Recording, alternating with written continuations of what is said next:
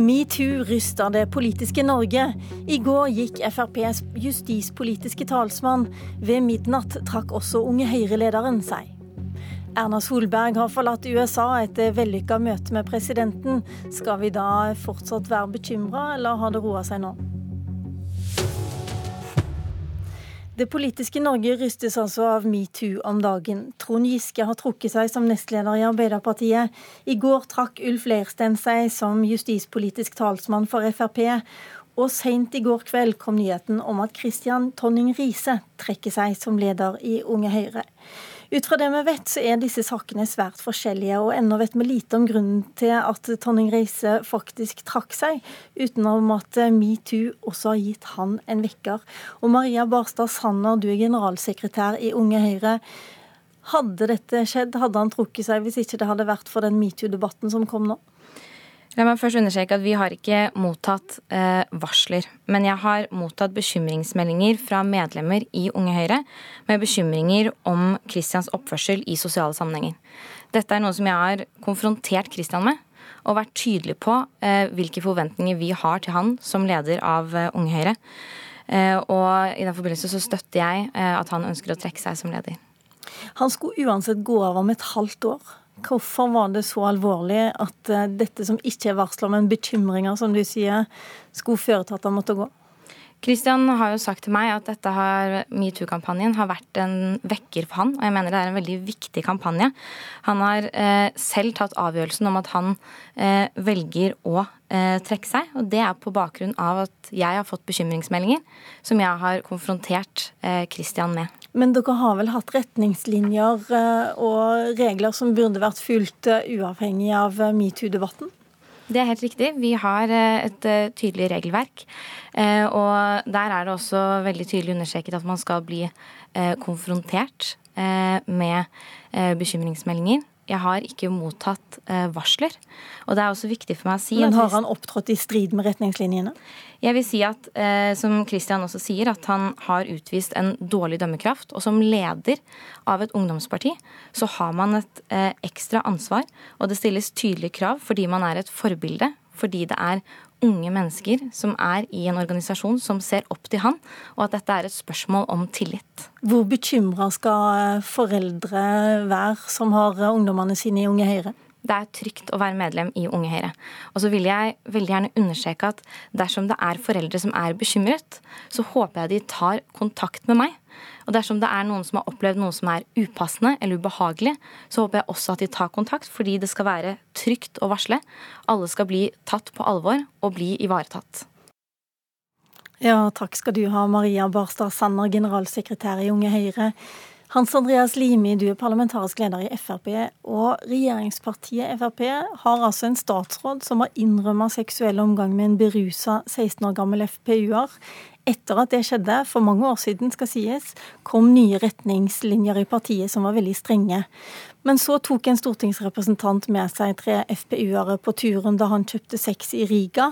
Og nå altså har vi en justispolitisk, eller hadde dere en justispolitisk talsmann som sendte havporno til FPU-ere, deriblant en 14-åring. Har foreldre som sender ungdommene sine til FPU grunn til å være bekymra? Nei, det vil jeg si at de ikke har. fordi at uh, de hendelsene som du refererer til, de ligger uh, relativt mange år tilbake i tid. Men etter at dere fikk strenge retningslinjer? Ja, vi, uh, vi har altså vedtatt etiske retningslinjer. Og sentralstyret i Fremskrittspartiet gjorde de vedtakene senest i 2012. Hvor vi har da altså et regelverk som sier noe om hva som er tillatt og ikke tillatt. Eh, når man opptrer i, i, partisammenheng og også i det private liv. fordi at Er du en eh, fremtredende politiker, så må du alltid være bevisst på at du har den rollen. Hvorfor eh, hjelper det ikke med retningslinjer da? Jo, det hjelper med retningslinjer. Vi har heldigvis vært forskånet fra, fra den type saker nå i mange, mange år. Uh, og det som det nå er referert til, det som dukket opp i går, er jo også en hendelse som ligger tilbake til 2012. Uh, så det er, ingen, det er, ingen, varsler som foreligger heller i den saken. Det er kun en anonym kilde. Og det er ingen andre varsler som tilsier at det er noen andre saker som er bekymringsfulle i Fremskrittspartiet. Men hvor, hvorfor er det så viktig, hvorfor understreker du dette med varsler, egentlig? Altså, det er vel alvorlig nok når man sender hardporno fra Stortingets PC? Ja, Det har også Ulf Leirstein beklaget. Eh, men så er det jo det at når en sånn sak dukker opp, så vil vi jo gjerne undersøke altså de faktiske forhold. Hva har skjedd? Omstendighetene rundt det. Eh, og så få frem detaljene. og Da er det mye enklere hvis det er altså en varsler som står frem, som tar kontakt med partiet, eh, slik at vi kan bruke vårt organisasjonsutvalg til å håndtere den type saker. Det er litt vanskeligere nå når det kun er en anonym kilde, men vi ønsker jo å, å, undersøke dette. Og vi skal behandle det selvfølgelig veldig seriøst, den informasjonen som har fremkommet i, først og fremst i NRK. Hva gjør eh, Fremskrittspartiet? Dere har to stortingsrepresentanter som eh, har beklaga sin atferd, eh, og dere har også en statsråd. Har dette noe å si for ja, inntrykket man skal sitte igjen med av Frp? Jeg håper ikke det, fordi vi kan i hvert fall eh, bekrefte at vi var tidlig ute med å etablere et regelverk. Eh, og vi tar eh, sånne saker som nå har dukket opp, tar vi veldig alvorlig. Og jeg har bedt vårt organisasjonsutvalg også bistå i den saken som ble kjent i går. Eh, de har, eh, de har, på en måte kompetanse og kapasitet til å undersøke de faktiske forholdene. Eh, og vi håper jo fortsatt at vi også får snakket med den som fremstår i NRK, som er den anonyme kilden, slik at vi får kartlagt alle detaljer. Så vi, vi skal undersøke dette veldig grundig.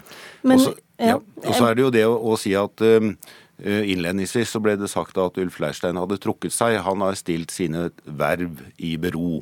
Eh, det betyr at han tar en pause og gir oss eh, anledning til å, å undersøke nærmere detaljene i de eh, påstandene og den informasjonen som er fremkommet. Men han har jo innrømma at han har sendt disse, e-postene med mange bilder, pornografiske bilder. Og riktig som du sier, han har tatt en timeout. Kan han komme tilbake som justispolitisk talsmann? Det er jo altfor tidlig å svare på hva som blir konklusjonen, fordi vi er nødt til å undersøke og få frem detaljene før vi konkluderer. Hjertelig takk skal du ha, Hans Andreas Limi. Vi skal altså flytte blikket litt. Norsk politikk viser seg jo ikke fra sin beste side om dagen, men i USA møtte altså vår statsminister Erna Solberg mannen som nå kaller seg et veldig stabilt geni. Etter diverse Twitter-meldinger var det mange som var spent på møtet, men eh, Donald Trump stilte godt forberedt.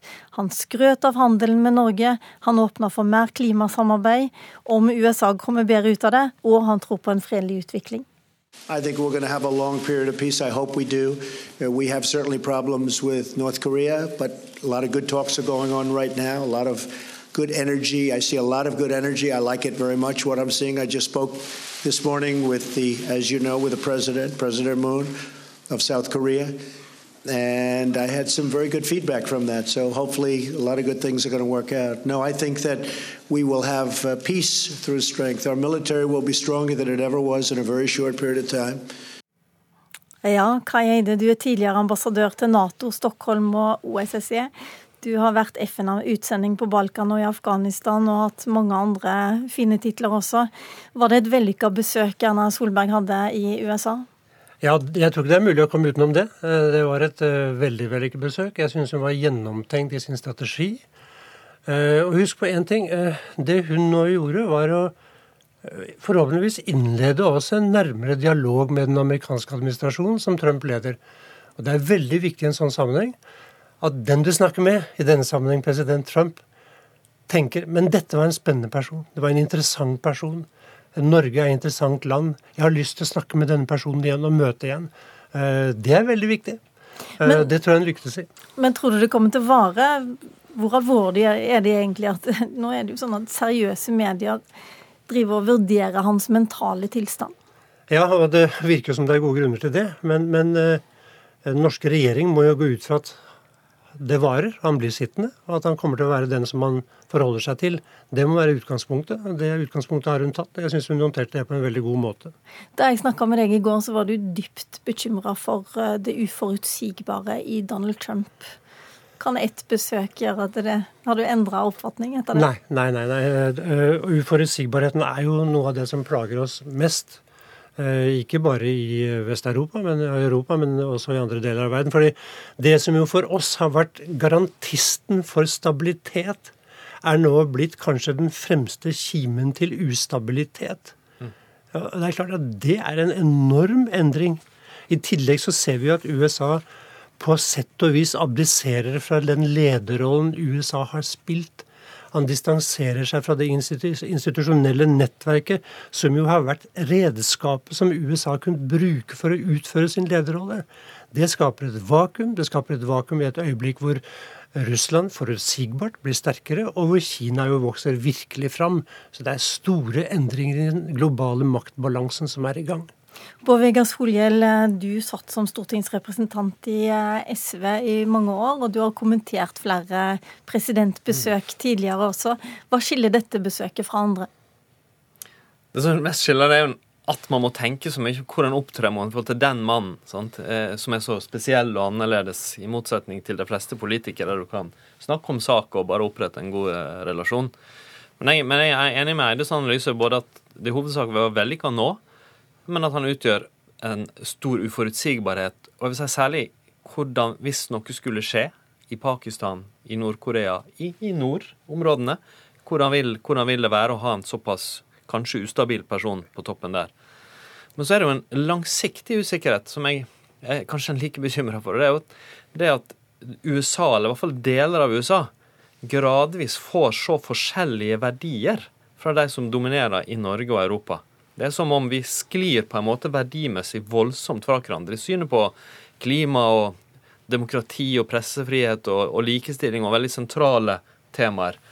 Og det tror jeg kan over tid da, som òg utfordre veldig sånn de politiske relasjonene, og kanskje særlig på andre områder enn det sikkerhetsmessige.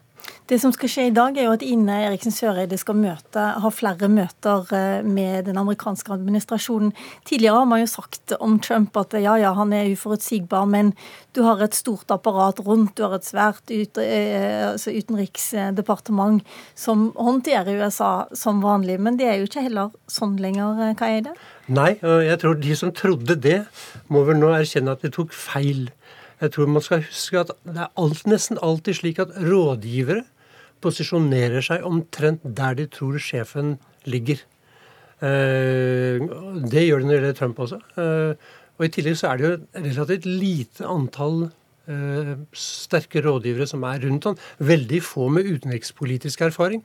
Det betyr også at i hele verktøykassa til USA så føler man jo også at det utenrikspolitiske er svekket, og det er andre elementer som er kommet fram.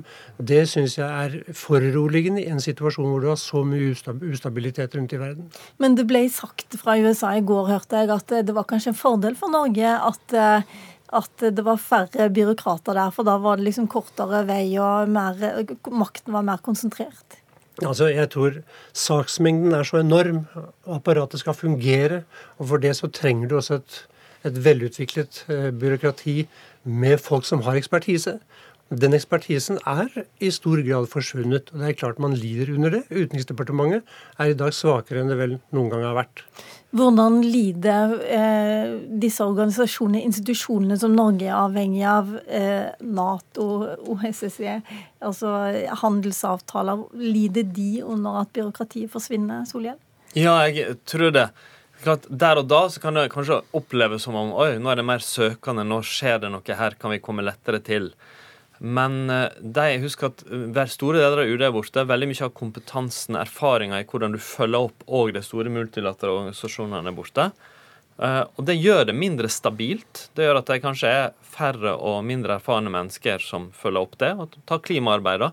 Det er langsiktig arbeid der du over tid skal bygge opp relasjoner til andre, skal ha innsikt i kompliserte avtaleverk. Det samme er sikkerhetspolitikk og handel og de andre tingene. Så for, for, stabilitet og langsiktighet er det negativt, selv om det kanskje kan gjøre det lettere å få noen tent på en god idé der og da. Men like fullt, det var en opplagt og oppmerksom og også oppdatert president i går, og det var vel et godt tegn, hva er det til slutt? Ja, i høyeste grad. Jeg må si eh, om statsminister Solberg hun valgte selvfølgelig en helt riktig innfallsvinkel. Er, hun snakket selvfølgelig om klima, det var viktig. Det er mange som snakker om klima, bare én statsminister som snakker om Norges sikkerhet. Derfor så måtte hun sette det først på dagsordenen. Hjertelig takk, Kai Eide og Bård Vegar Solhjell. Vårt politiske kvarter er faktisk omme. Mitt navn det er Lilla Sølhusvik.